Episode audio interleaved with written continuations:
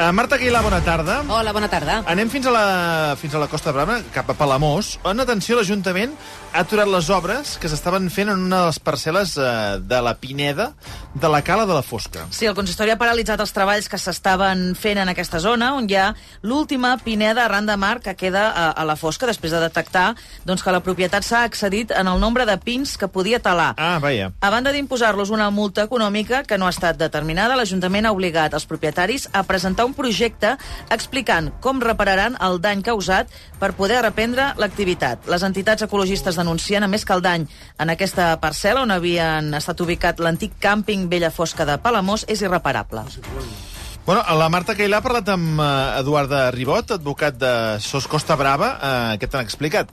Mira, per començar, si vols, eh, escoltarem com és aquesta pineda que hi ha a la cala de la Fosca. Com és o com era? Perquè no sé què deu quedar. Queda algun... Que, que, en queda, però hi ha una part que està terrasada. Mm. Aleshores, ella ens explica com és aquesta pineda i quina importància mediambiental té. Bueno, aquesta pineda mediterrània està situada a primera línia de mar i, òbviament, és un dels pulmons eh, que té la fosca, és el, el darrer espai forestal immediat a la platja doncs, que queda. L'Ajuntament de Palamós ja va sacrificar eh, bona part de la pineda d'Angori, situada al nord de la platja de la Fosca, i ara està urbanitzant, permetent edificar aquesta altra pineda situada una mica més al sud, amb la qual doncs ens quedem sense espais per respirar, sense pulmons verds eh, a tocada a les zones urbanitzades. En aquesta zona hi ha un... Bueno, què? un Són quatre arbres. No, no són quatre no, arbres. no, quatre acaba de arbres dir que és no. una És zona... que passa- Senyor Requesens, Mira, perdó. si no edifiques, què passa? Si fos l'eruga. O hi ha un fong que mata el pi o la sequera els mata. O hi ha un incendi i es crema tot. Ja, sent doncs, bueno, per lo sí. la així ja sí. és un bé. I estan les fosques que substitueixin els arbres per, per fanals. Eh, el tema de la Costa Brava és un, cost, és un tema molt delicat, Molt. perquè un dia d'aquests hi anirem de vacances i ja no quedarà... Efectivament, no quedarà perquè després eh, el senyor Eduard de Ribot ens explicarà altres casos eh, contra els que està lluitant eh, aquesta associació SOS Costa Brava. No, pues, en no- aquesta zona de la Cala de la Fosca, si m'ho permet, Sí, senyor Requesens, hi ha un pla urbanístic per fer dos grans blocs d'apartaments Ja. i 13 xalets. Molt bé. Aleshores, què va passar? Que al- al gener l'Ajuntament ja va obrir un expedient a la propietària dels terrenys perquè havien talat sis pins més dels permesos. I ara, des de SOS Costa Brava, denuncien que el terreny ha quedat arrasat. És evident que no es restaurarà tal com estava i és evident que no és substituïble un pi antic i vell eh, o, o adult amb un, amb un petit pi que es pugui ara plantar. És, una, és un despreci eh, total per, per la natura i pel respecte al paisatge. Clar, ells el que diuen és que el dany és irreparable, Clar, perquè perquè pins ara plantaran pins joves Clar, que no tenen res a veure amb els pins adults que hi havia. Aquest no és un problema que únicament afecti a Palamós. Hi ha fins a 80 parcel·les naturals que estan en perill a la Costa Brava. Així ho explica l'advocat de SOS Costa Brava, Eduard de Ribot. és el problema que tenim a tota la Costa Brava. Tenim uns ajuntaments que no són... Eh, eh, no estan per la preservació del territori, no estan per la defensa del paisatge, no estan per modificar i rectificar cap planejament i no estan per aturar la urbanització. Eh, no canvien les coses i van permetent anar perdent tots aquests espais naturals que tenim. Des de SOS Costa Brava hem identificat fins a 80 retalls forestals i pinedes a primera línia de mar en els 22 municipis i si no actuen aquests ajuntaments aniran caient una pineda darrere l'altra fins a arribar a 80 per la seva negligència i per la seva incúria. I després anirem a fer el camí de ronda Exacte. i serà un solar. Això és el que Però passarà. això és ser molt ruc, perquè, a veure, si, aquesta, si la gràcia d'anar a la Costa Brava és el paisatge, president. Sí. Justament. Si el, si el desfàs, no t'hi anirà Però el que ningú. ja està dient l'advocat, que alguns ajuntaments, que no ha dit quins, estaria bé també saber-ho, Ara, ara em posaré uns exemples. estan més per altres coses, més Per- per, per- eh, caler. més per fer caixa que no pas pels Anem a arbres. exemples concrets. recentment acaba d'aprovar l'Ajuntament de Palafrugell, el nou consistori, doncs urbanitzar i edificar a la muntanya d'aigua gelida, a, a Tamariu, doncs amb afectació d'un bosc, un nou hotel, eh, amb, amb quatre cossos edificats eh, diferents. L'Ajuntament de Begur està esquilmant i està destruint i està permetent urbanitzar i edificar les muntanyes de Begú amb aquestes grans excavacions que es fan en zones amb grans pendents.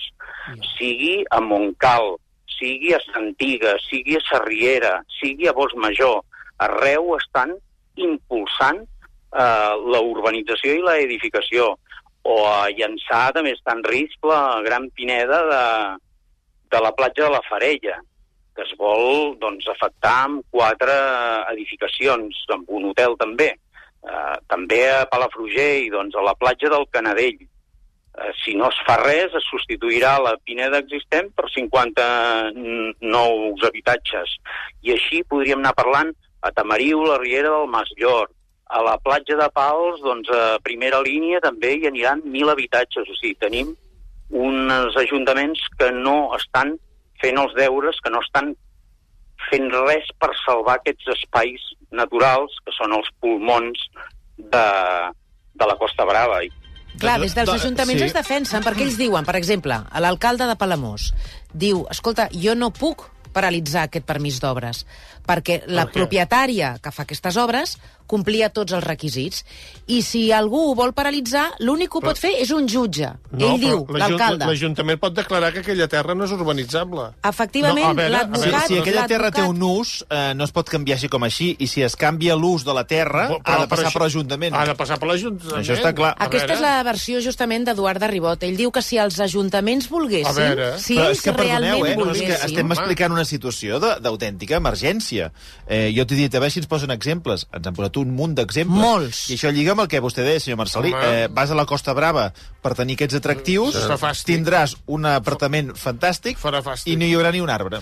Segons Eduard de Ribot, si els ajuntaments volguessin, podrien aturar perfectament totes aquestes obres. es poden salvar, perquè amb voluntat política, en 24 hores, un ajuntament pot suspendre el planejament I tant. Per estudiar una modificació. Si els ajuntaments s'estimen les pinedes i s'estimen els retalls de boscos i volen canviar les coses, poden.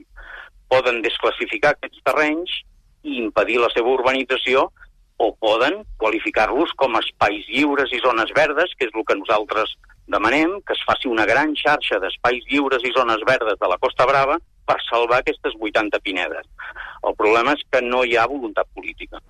I si no, que intervingui la Generalitat. Les pinedes només són gasto. En canvi, tu dones una llicència per edificar, com a Ajuntament cobres i els Sí, progrés, això torna al Sí, que poble. no cobra- que no cobren van poc. pinyes, van caient pinyes, que poden caure al cap tant. en qualsevol moment. Sí. Doncs amb aquesta visió que tenen vostès, tot acabarà edificat i, com diu aquest Com advocat amb qui hem parlat, Eduard de Ribot, recordem el advocat de SOS Costa Brava, si seguim així, la Costa Brava s'acabarà convertint en una mena de Marbella. Sí. Bueno, quan ens vam constituir SOS Costa Brava, el 4 d'agost del 2018 vam alertar de la situació de la Costa Brava. Vam dir que hi havia un tsunami urbanístic, que si no fèiem res, hi havia 22 municipis de la Costa Brava amb 22 planejaments que permetrien 250 noves urbanitzacions.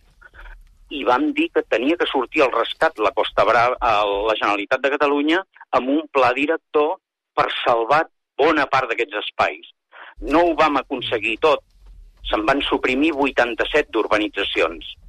Ara els hi toca als ajuntaments de suprimir aquelles altres I eh, i salvar aquestes pinedes. Si en tenen interès, si el que volen és seguir urbanitzant i transformar la Costa Brava en Marbella o Benidorm, que no canvien res i que vagin deixant anul·lat aquests 80 espais que nosaltres anem alertant dia a dia de la situació. Doncs queda feta la crida, i tal com ens diu el Miquel, que ens ha enviat un missatge, diu, i no heu vist com està la Cerdanya? Grues i totxo per Igual, tot arreu. Ah, jo també hi tinc Igual, allà fa apartaments. Doncs si clar. depèn de nosaltres i dels ajuntaments, ja cal que ens posem les piles, si no és que sigui massa tard. Com a mínim hem tingut l'exemple de l'Ajuntament de Palamós, que sí, Sí, que ha sigut capaç d'aturar aquesta parcel·la. Fins ara, Marta. Fins ara.